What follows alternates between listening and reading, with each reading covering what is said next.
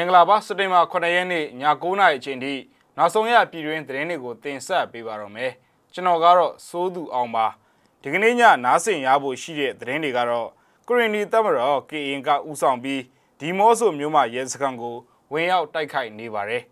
မော်ဘီစစ်တပ်ကဒေသခံတွေကိုလှုပ်အားပေးဖို့ဆိုပြီးပေါ်တာဆွဲတဲ့သတင်း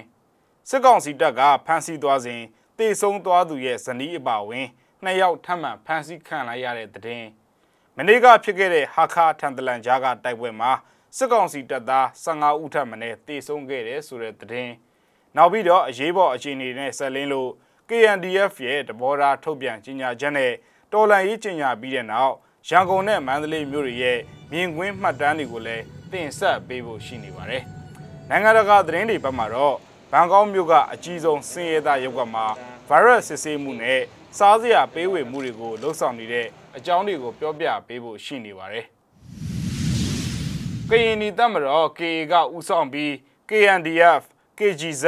PDF နဲ့ပူးပေါင်းတပ်ဖွဲ့တွေဟာဒီမော့ဆိုမြို့မှာရဲစခန်းကိုညနေ6နာရီကျော်ကစလို့ဝင်ရောက်တိုက်ခိုက်နေပြီးလက်ရှိအချိန်ထိတိုက်ပွဲပြင်းထန်နေကြောင်း KNDF တပ်ရင်း19ကနေသတင်းထုတ်ပြန်ပါတယ်။သတင်းရေးသားချိန်ည8နာရီအချိန်ထိတိုက်ပွဲပြင်းထန်နေပြီး ထိခိုက်ကြဆုံးမှုအခြေအနေတွေကိုတော့မသိရသေးပါဘူးခင်ဗျ။ KNY ပြည်နယ်တဲကနောက်ထပ်သတင်းတစ်ပုဒ်ကိုလည်းတင်ဆက်ခြင်းပါတယ်။ KNY ပြည်နယ်ထဲမှာဒီကနေ့မွန်လွယ်ပိုင်း3နာရီဝန်းကျင်က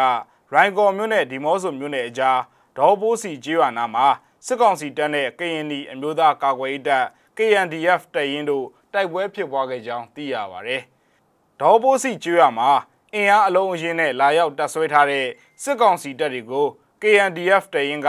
ခုခံတိုက်ခိုက်ခဲ့တာဖြစ်ကြောင်းထုတ်ပြန်ပါတယ်။တိုက်ပွဲဖြစ်ပွားရနေရာမှာအကြမ်းဖက်စစ်တပ်ကလက်နက်ကြီးလက်နက်ငယ်တွေနဲ့အဆက်မပြတ်ပစ်ခတ်ပြီးသတင်းပေးဖို့ချိန်အထိပစ်ခတ်နေသေးကြောင်းဒေသခံတယောက်ကပြောပြပါတယ်။ KNY ပြည်သူလူထုအနေနဲ့စိုးရင်ထိတ်လန့်ခြင်းမရှိဘဲလုံခြုံရေးသတိရှိကြပါရန်နဲ့ဖက်စစ်စစ်တပ်အခြေကိုယူထားတဲ့အနီးပတ်ဝန်းကျင်နေရာတွေမှာနေထိုင်တဲ့သူဖြစ်လို့ရှိရင် ပုံမလုံခြုံတဲ့နေရာကိုရှောင်နေပေးဖို့ကိုလည်းအသိပေးပါတယ်။ဒီအပြင်မှာဆေးရနာရှင်စနစ်ကိုအမြင့်ပြတ်ချိန်မိုးရေးအတွက်တော်လန်ရေးအဖွဲ့တွေနဲ့အတူပူးပေါင်းတွန်းလှန်တိုက်ခိုက်ဖို့ကရင်ဒီအမျိုးသားကာကွယ်ရေးတပ် KNDF ကထုတ်ပြန်ထားပါသေးတယ်ခင်ဗျ။ဒီကနေ့ညနေပိုင်းအချိန်က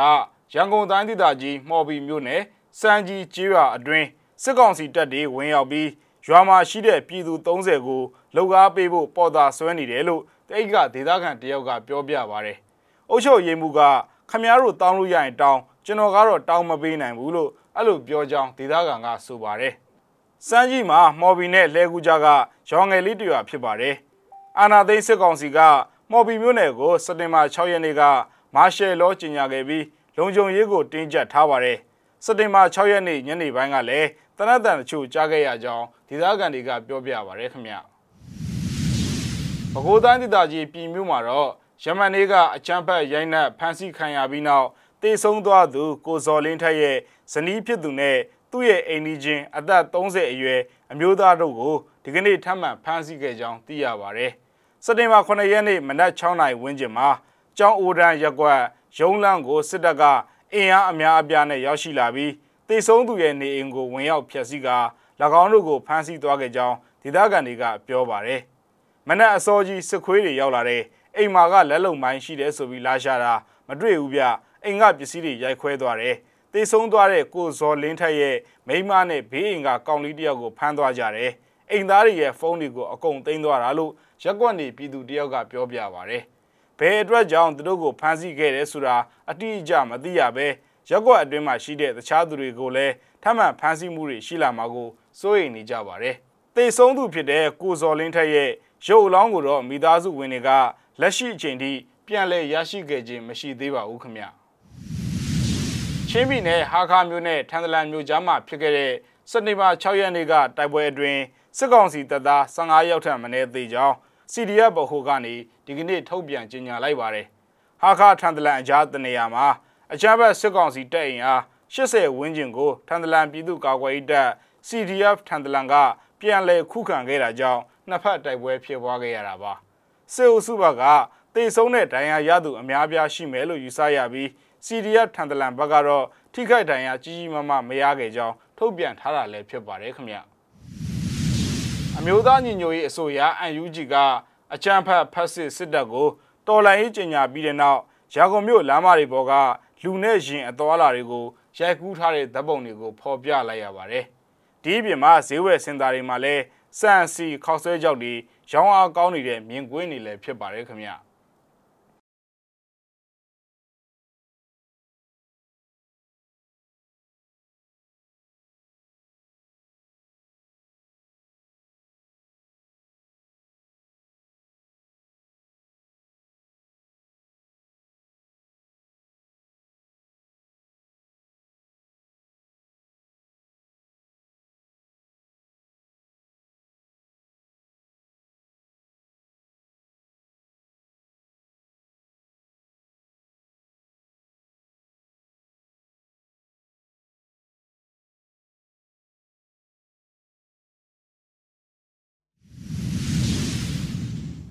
ဆက်လက်ပြီးတော့အမျိုးသားညီညွတ်ရေးအစိုးရ UNG က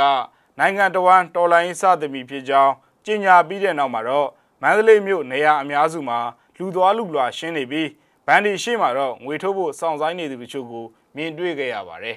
ဗီဒီယိုဖိုင်ကိုလည်းကြည့်အောင်ပါ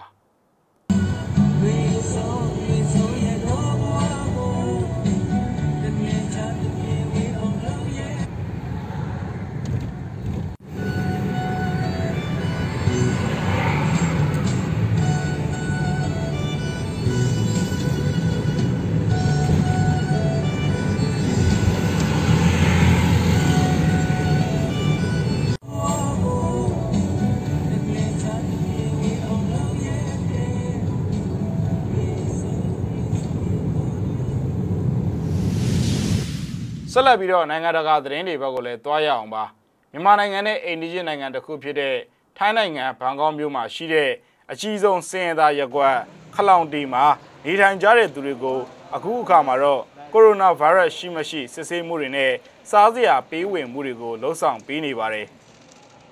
ထိုင်းနိုင်ငံရဲ့မြို့တော်မှာရှိတဲ့စီရဲနွမ်းပါတဲ့လူအစုအဖွဲ့တွေအတွက် COVID-19 ကပ်ရောဂါကူညီတိုက်ဖျက်ဖို့ထူထောင်ထားတဲ့အဖွဲ့အစည်းတစ်ခုဖြစ်တဲ့ Bangkok Community Health Foundation က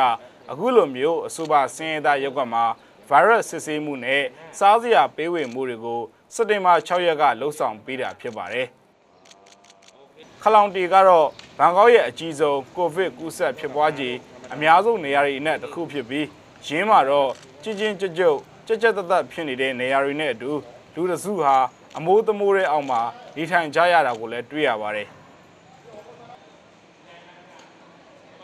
အိမ်တွေကတော့20စတူယန်မီတာဖြစ်ရှင်ဖြစ်နေနိုင်ပါတယ်ဒီထက်တော့တကယ်လို့များတယောက်မှာကိုရိုနာဗိုင်းရပ်ရှိမဲဆိုရင်ကြံတဲ့သူတွေစီမှာလည်းရှိနေမှာကတိကျသလောက်နီးပါးဖြစ်နေပါတယ်ဒါကြောင့်ပဲသူတို့ကိုကျွန်တော်တို့တသိချာချာစောင့်ရှောက်ကူညီဖို့အရေးကြီးတာဖြစ်ပါတယ်လို့ Bangkok Community Health Foundation ရဲ့ပူးတွဲတည်ထောင်သူ Friso ကပြောသွားပါတယ်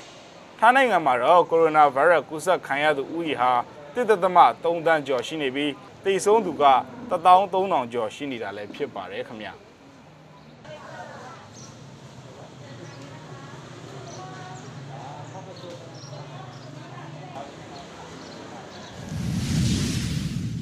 မြစီမရဲ့သတင်းအစီအစဉ်ကိုခဏရနာကြပါတယ်ကြည့်ရှုခဲ့တဲ့မိဘပြည်သူတူဦးချင်းစီကိုကျေးဇူးအထူးပဲတင်ရှိပါတယ်ကျွန်တော်တို့သတင်းနဲ့အတူတူပြန်ဆောင်ကြပါဦးမယ်